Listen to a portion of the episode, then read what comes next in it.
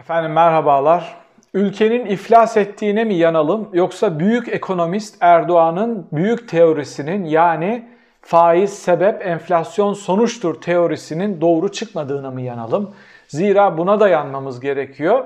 Çünkü akademisyenler testlerini laboratuvar ortamlarında, teorilerle, masada karşılıklı tartışarak bilimsel makalelerde yaparlar. Erdoğan alaylı bir akademisyen olduğu için testini 82 milyon üstünde yaptı. Tüm barutları harcadı, tüm enstrümanları kullandı ve baktı ki iddiası doğru değilmiş. Ülke iflas etti. 150 milyar dolar gitti. Enflasyon uçuşa geçti ama Erdoğan kendi yolunda devam etmeye hatta kısmen arkasında halk seçmeni, halk desteği bile bulmaya devam ediyor. Açıklanan enflasyon oranını ve Türkiye'nin metropol verileri üstünden, yeni metropol verileri üstünden Türk seçmeninin iktisada, ekonomiye ve bu verilere nasıl baktığını sizlerle tartışacağım. Ama buna paralel olarak bir şeyi daha yorumlayacağım. Dün başarılı gazeteci Cevheri Güven e, YouTube hesabında bazı iddialarda bulundu. Daha doğrusu bazı verileri değerlendirdi ve yorumladı. Türkiye'de işte hilafet ilan edip Erdoğan iktidarda kalabilir mi? Bu konu hakkında da sizlerden benim görüşümü soran birçok soru geldi. Hem Twitter üstünden hem YouTube'daki yorum köşesi üstünden bu konu hakkındaki görüşlerimi ve e, iktisadın, finansın, Erdoğan'ın ekonomik teorilerinin gidişatını özetliyorum.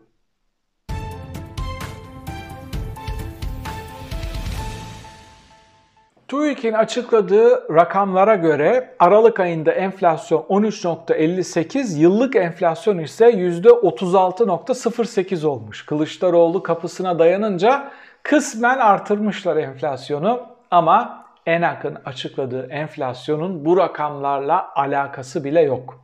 Yani bağımsız akademisyenlerin açıkladığı enflasyon Aralık ayında %19.35 olurken 2001 yılında ortalama enflasyon %82.81 olmuş. Neredeyse %83. Bu veriler ne demek biliyor musunuz?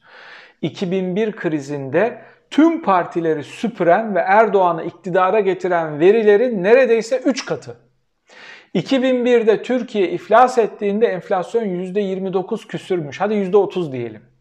Neredeyse onun 3 katına çıkmış durumda ama Erdoğan dimdik ayakta duruyor. Dimdik ayakta duruyor dediğim şu, iktidarda o dönem giden partilerin aldığı oyların kat be kat fazlasını alabiliyor.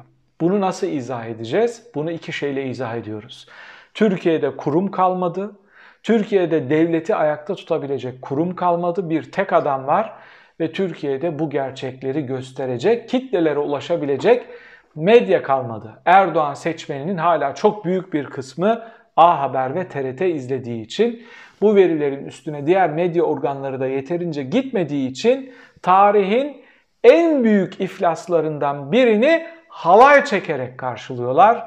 Bu da gerçekten ileride sosyologların, antropologların kahkahalarla, acı acı kahkahalarla takip edecekleri bir veri. Nitekim Erdoğan'ın asgari ücrete yaptığı çok yüksek zam da insanların cebine girmeden erimiş, tükenmiş, bitmiş oldu. Zira o paranın alım gücü sıfırlanmış oldu. Bu da o enfle o zamma insanların henüz sevinemeden e, artık yine nasıl geçineceği sorularıyla yaşamasına vesile olacak maalesef. Metropol halka sormuş, biri ona açıklıyor, biri bunu açıklıyor ama sen ne diyorsun kardeşim? Senin hissettiğin enflasyon ne demiş kitlelere? Kitlelerin %20'si, düzeltiyorum, %20'si enflasyonun %20 civarında olduğunu söyleyen, yani TÜİK doğru söylüyor diyenlerin oranı 1.9. TÜİK çalışanları ve akrabaları, AKP adayları, milletvekilleri, belediye başkanları ve akrabaları TÜİK'in rakamları doğrudur demiş. 1.9 TÜİK'e inanan. %25 de 50 arasındadır diyen. Yani TÜİK'in açıkladığının neredeyse bir buçuk katı daha fazlaya kadar çıkabilir diyenlerin oranı %7.1. Bakın TÜİK'in açıkladığı yıllık enflasyonun bir buçuk katına kadar çıkma ihtimali var diyenlerin oranı yüzde %7.1. Türkiye'nin %28.8'i yaklaşık %30'u enflasyonun %50 ile %100 arasında bir yerlerde olduğunu düşünüyor.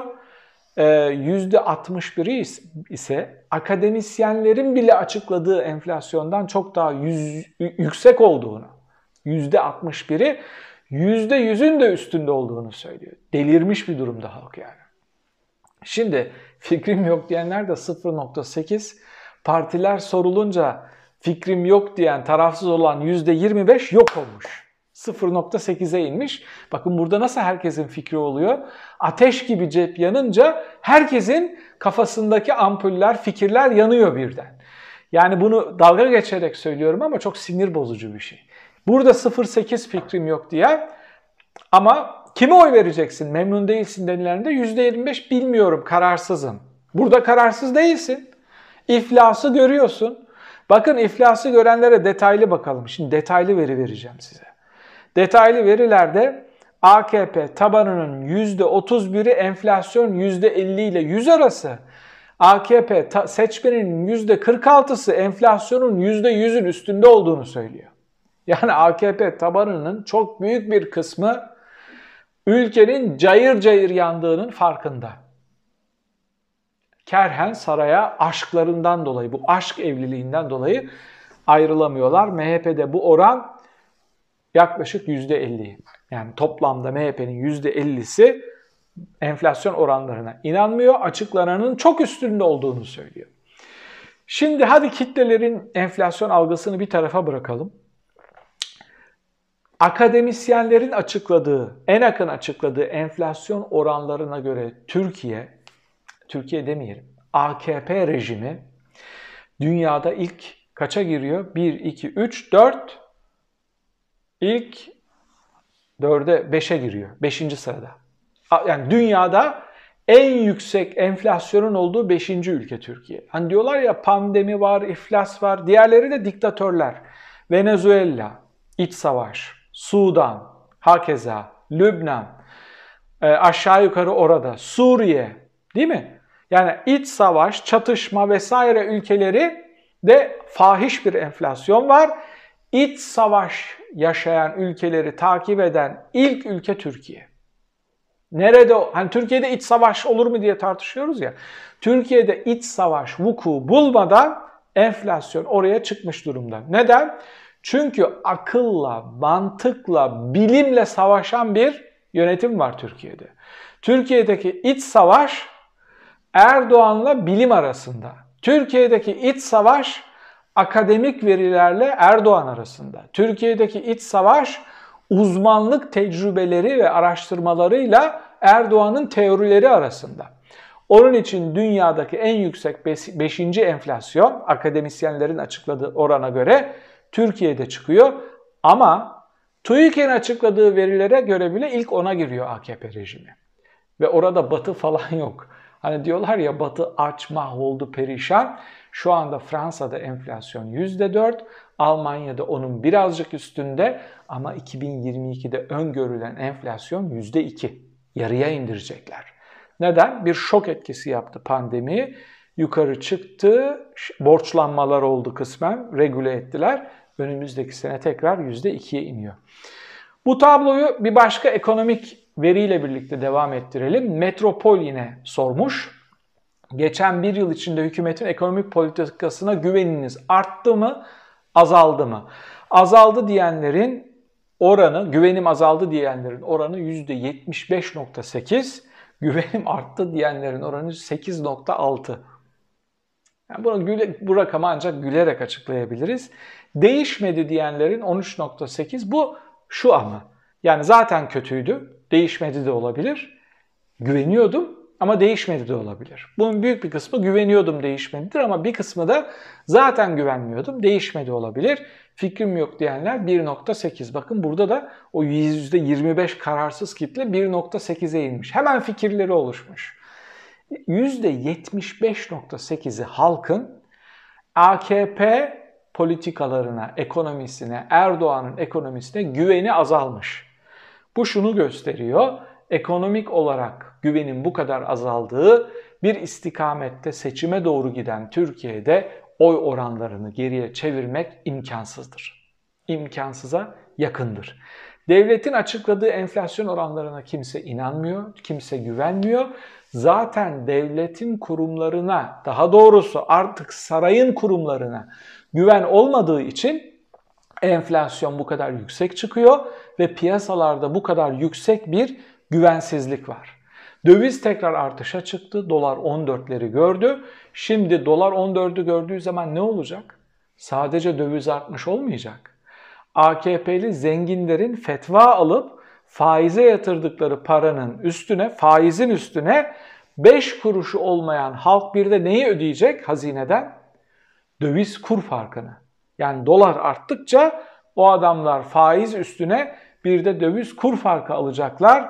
Erdoğan çünkü onlara garanti etti. Para üstünden para kazanmayı, para üstünden faiz almayı, faiz yetmedi döviz kurunda yatırmayı garanti etti. Şimdi tüm bu verilerin üstüne tüm bu verilerin üstüne biz buradan nasıl çıkarız? Biz buradan çıkamayız fotoğrafı baş göstermiş durumda. Ee, Şevki Yılmaz çıkmış demiş ki işte 700 ton altınımız var. Bunları bozduralım. Hazinede hiçbir şey bırakmayalım. Kurumları tükettik, dövizi tükettik. Onu da sıfırlayalım ama iktidarı teslim etmeyelim. Neden? Çünkü burada şu çağrışım var. Yani onlar küffar. Biz gerekirse devleti yok et o küffar dememiş tabii ama mantık bu yani. Biz gerekirse son kuruşa kadar her şeyi yok edelim ama iktidarı düş, yani bir düşmana ancak ülkeyi vermemek için. Ülkeye düşman gibi davranabilirsin. Ötekini, diğeri düşman gibi gören bir yapı var burada. Tüm altınları bozalım diyor. Daha önce anketçi olan ve genel başkan yardımcılığına muhtemelen sarayın emriyle terfi ettirilen Mustafa Şen de diyor ki partililere yaptığı konuşmada 2023'ü biz kazanacağız, nasıl kazanacağız diye sormayın diyor. O yasak onu sormak ama kazanacağız. Garanti. Şimdi bunların üstüne dün YouTube'da çok başarılı dosyalar yapan ve inanılmaz etkili olan Cevheri Güven çıktı. Şunu açıkladı. İşte bir WhatsApp gruplarında şurada burada şu gezdiriliyor.